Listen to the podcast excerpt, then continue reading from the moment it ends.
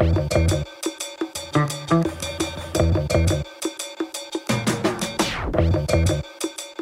Sloegen vorige maand alarm. Uitzonderlijk veel jonge kinderen kwamen plots in het ziekenhuis terecht met een ernstige vorm van hepatitis. Intussen zijn er steeds meer gevallen bekend over zowat de hele wereld, ook in België.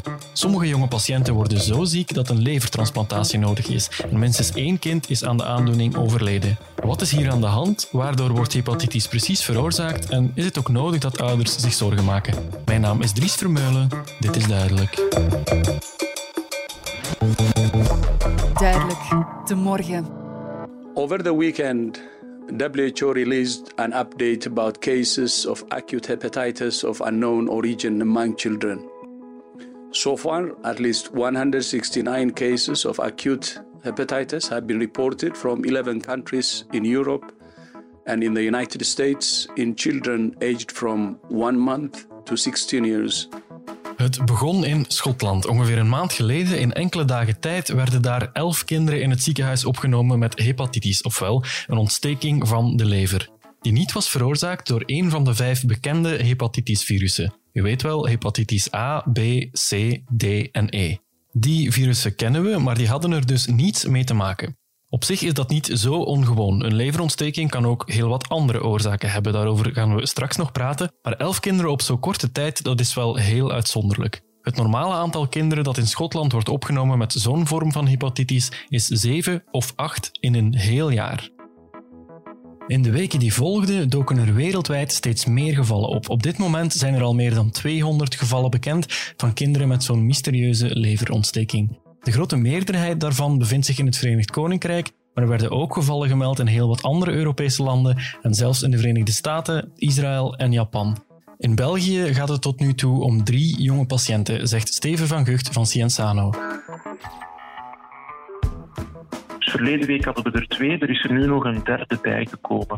Uh, en die voldoen aan de definitie van wat dat we een, waarschijnlijk geval noemen van die mysterieuze hepatitis uh, bij kinderen. Dat zijn er niet zo heel veel, hè, maar ik vermoed dat we er ja, de komende dagen, weken nog wel nieuwe meldingen gaan krijgen. Uh, maar voorlopig blijft dat wel beperkt. Drie patiënten voorlopig, dat is niet zoveel. Sterker nog, we weten niet eens zeker of dat wel een verhoogd aantal is. Dat er in het Verenigd Koninkrijk op dit moment uitzonderlijk veel gevallen gemeld worden van kinderen met hepatitis, dat is duidelijk. Maar in België weten we eigenlijk niet zo goed wat een normaal aantal is dat je af en toe een keer een, een, een geval van hepatitis hebt. Uh, en, en, heel uitzonderlijk is een ernstige hepatitis. Ja, dat is op zich niet nieuw. Hè. Dat, uh, dat komt altijd voor. En een van de problemen die we wel hebben, is dat we de baseline niet goed kennen. Hoeveel gevallen kan je normaal verwachten? In Glasgow hadden ze daar een redelijk goed beeld van. Dat ging ook over één groot ziekenhuis. Maar we hebben op dit moment niet direct uh, nationale data bijvoorbeeld. Hè, van wat is eigenlijk normaal? Wat verwacht je te zien? En vanaf wanneer zeg je dat iets abnormaal gestegen is? Dat zijn zaken die we nog moeten onderzoeken nu.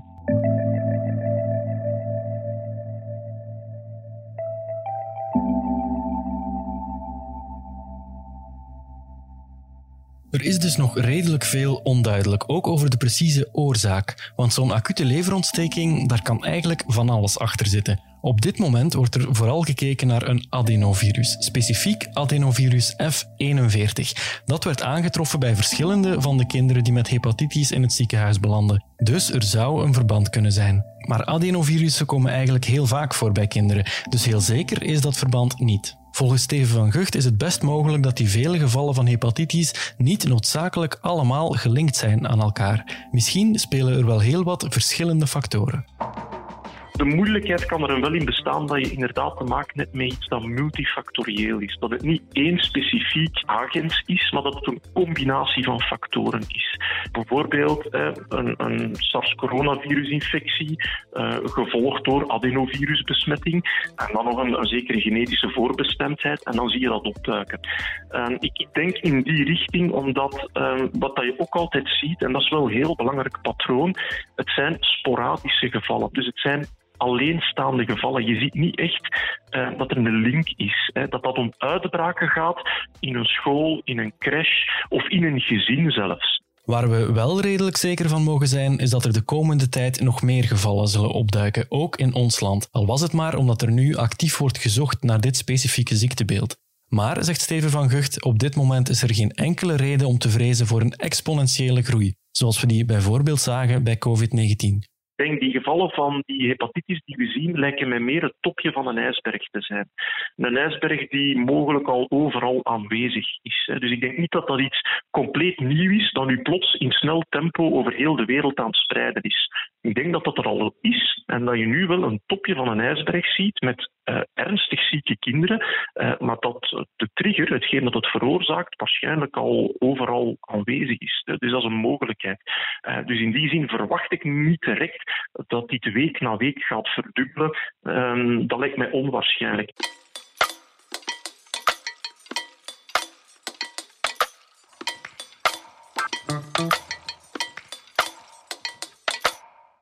Hepatitis is een medische term en staat eigenlijk voor ontsteking van de lever. En zo'n ontsteking wordt eigenlijk vastgesteld door middel van een bloedafname, waarbij men kan zien dat er een verhoging is van de levertesten.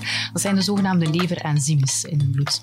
In deze uh, groep van kinderen zien we dat bij 1 op 10 van de gevallen de ontsteking in die mate ernstig is dat de lever eigenlijk uitvalt in functie. Uh, dus die eigenlijk leidt tot een leverfalen, waarbij er nood is aan levertransplantatie. Om een beter idee te krijgen van hoe hepatitis nu precies kan ontstaan en hoe je het kan herkennen, zijn we ons oor te luisteren gaan leggen in het UZ Gent. Professor Ruud de Bruyne is gespecialiseerd in leverziekten bij kinderen.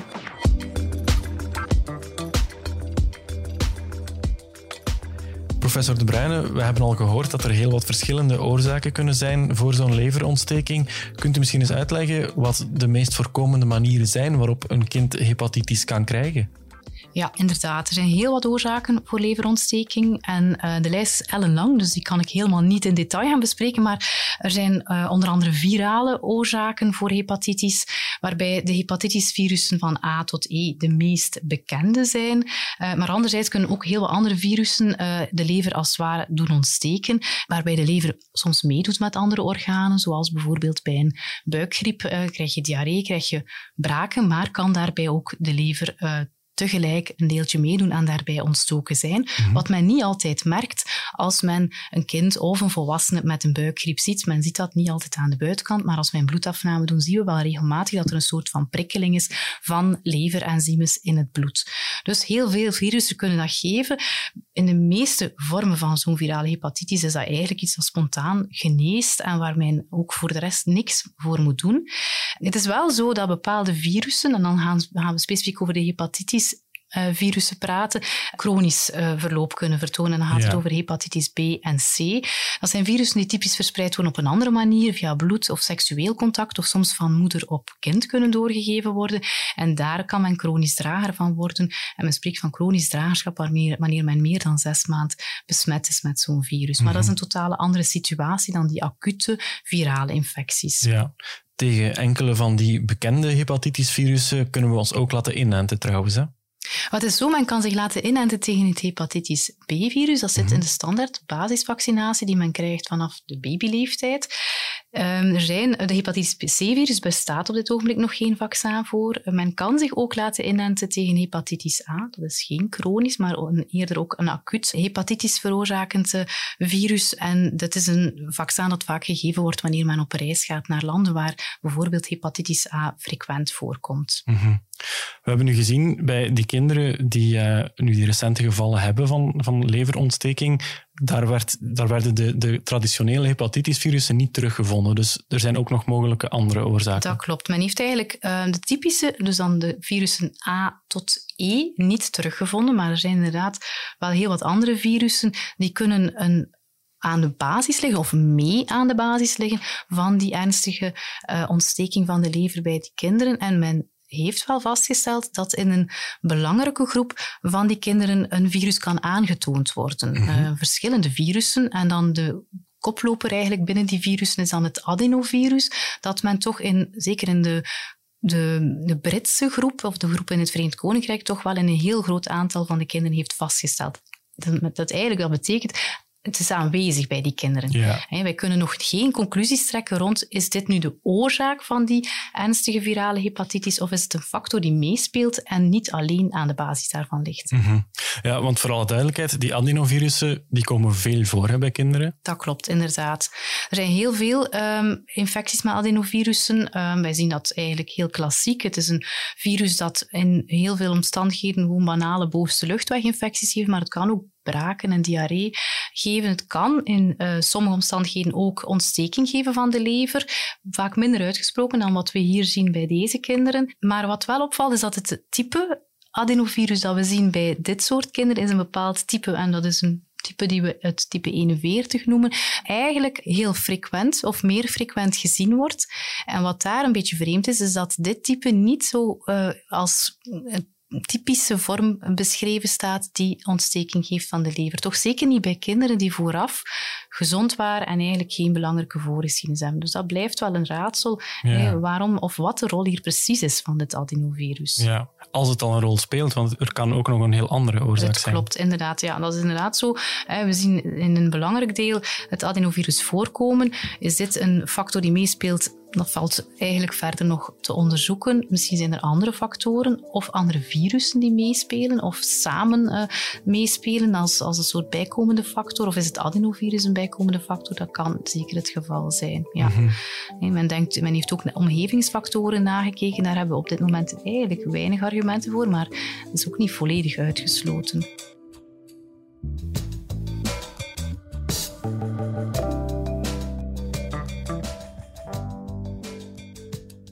Professor, we komen net uit een grote gezondheidscrisis. Dan ligt het natuurlijk voor de hand dat we daar verbanden gaan zoeken. Kunnen die gevallen van hepatitis nu bij kinderen, kan dat iets te maken hebben met corona? Wel, het is inderdaad zo dat we um, bij een deel van die kinderen hebben vastgesteld dat er een um, recente of een voorbije COVID-infectie aanwezig was. Ah, ja. um, wat de rol daarvan is, uh, moet verder onderzocht worden.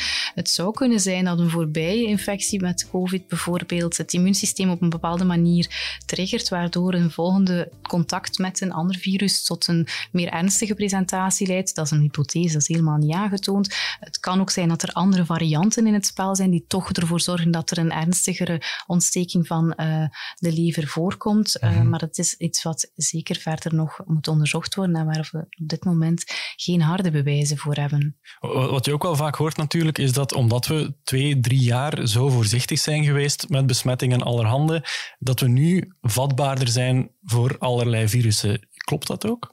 Ja, het is wel zo dat we zien dat er op dit moment heel veel virussen circuleren na de, de periode van uh, de quarantaine. Dus dat is, ja. dat is echt wel heel opvallend dat we bij kinderen, maar ook op bij volwassenen, uh, toch wel helemaal meer virale infecties zien dan bijvoorbeeld dezelfde periode vorig jaar. Dan spreek ik over niet-COVID-gerelateerde mm -hmm. infecties. Hè.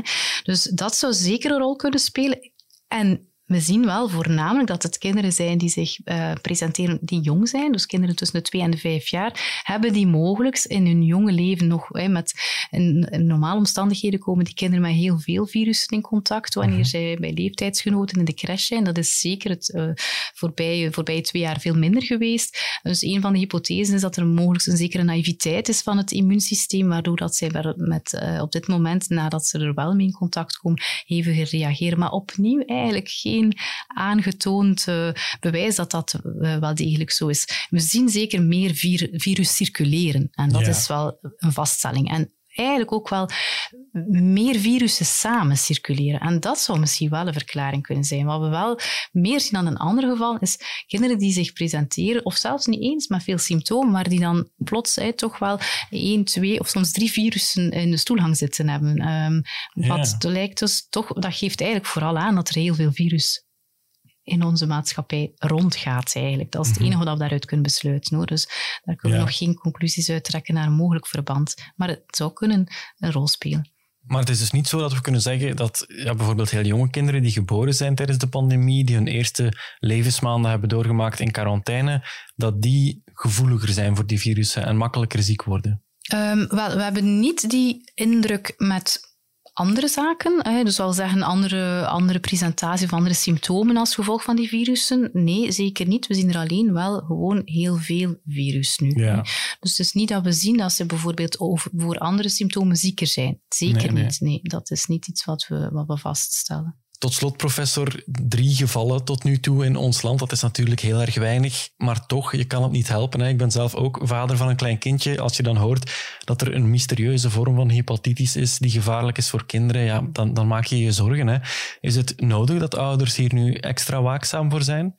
Wel, op dit moment, dus als we die drie gevallen, eh, het is belangrijk om die goed te kaderen. Eh, het gaat over een, ehm, een gevallen die voldoen aan de definitie, dat wil zeggen ernstige hepatitis bij jonge kinderen, of eigenlijk, ja, we, spreken, we nemen de groep zelfs ruim, bij kinderen onder de 16, waarbij we geen um, hepatitisvirussen hebben vastgesteld, dus niet van A tot E, en waarbij we eigenlijk geen andere oorzaak vinden die dit kan gaan verklaren.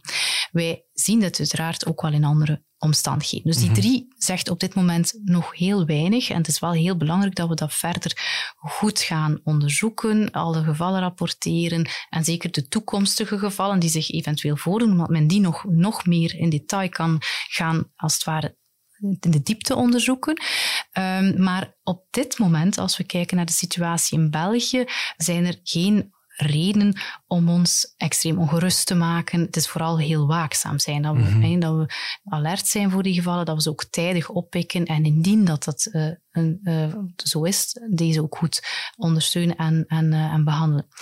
Dus wat belangrijk is voor ouders op dit moment, is eigenlijk wat geldt op andere momenten ook. Neem contact op met uw arts wanneer uw kind eh, ziek is. En dat wil zeggen, um, koorts heeft die niet gemakkelijk onder controle komt met koortswerende middelen, wanneer koorts blijft aanhouden, wanneer een kind lusteloos, suf is, helemaal niet in zijn normale doen is. En wanneer er buikgriepsymptomen zijn, wanneer braken of diarree heel sterk op de voorgrond staan en um, die kinderen dreigen uit te drogen of symptomen vertonen van uitdroging. En als we dan heel specifiek gaan kijken naar hepatitis, um, wat zijn daar mogelijke symptomen van? We weten dat de kinderen die zich voorgedaan hebben tot nu toe heel vaak toch ook uh, geelzucht vertonen. Dus mm-hmm. daarvoor is het belangrijk om het wit van de ogen, hè, want uh, geelzucht bij um, blanke kinderen kan men vaststellen droogte van door, door geelverkleuring van de huid, maar dat is niet altijd. Bij, donker, uh, bij donkere huidskleur is het um, makkelijker om naar het wit van de ogen te kijken ja. en dat geldt ook voor, voor, voor blanke kinderen. Dus het wit van de ogen en, het, en, de, en de huidskleur, um, wanneer daar een gele verkleuring zou uh, te zien zijn, is dat uiteraard een reden om contact op te nemen. Bovenbuikspijn um, of buikpijn die blijft aanhouden en een kind die zich helemaal niet lekker voelt, dat zijn zaken waar wij, waarvoor contact moet opgenomen mm-hmm. worden. Ja, uw advies in zo'n geval is, ga gewoon naar de kinderarts. Absoluut, of de huisarts. Die uh, kan zeker ook uh, in eerste instantie het kind onderzoeken en al dan niet uitmaken of er een reden is om verder onderzoeken te gaan doen. Ja. Mm-hmm. Verwacht u in de nabije toekomst nog veel nieuwe gevallen in België? Maar ik verwacht zeker dat er nog wel meerdere gevallen zullen gerapporteerd worden. Want we, we, we maken ook de oefening door terug te kijken in het verleden. En, we weten dat als we terugkijken, dat er wel degelijk uh, gevallen zullen geweest zijn die aan de gevalsdefinitie zullen voldoen. Wat heel belangrijk zal zijn, is naar de aantallen gaan kijken en die proberen, eigenlijk projecteren naar een periode.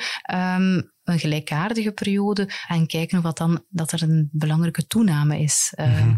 daar tegenover. En als we dan vergelijken, is het best om dat te gaan doen met periodes van voor de quarantainemaatregelen, omdat we dan echt ook in dezelfde setting zitten met toch wel een normalere uh, verspreiding of uh, rondgaan van virale infecties. Mm-hmm.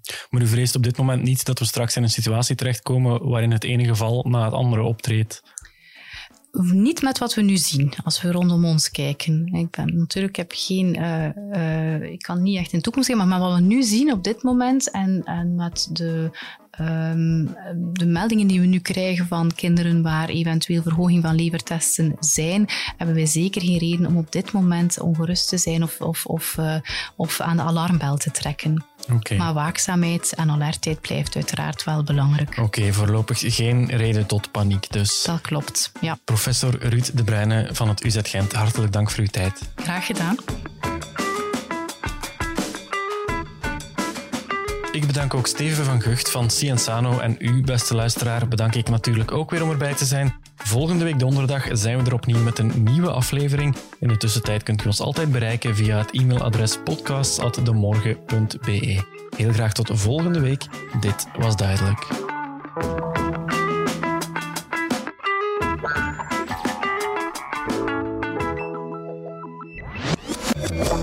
Duidelijk, de morgen.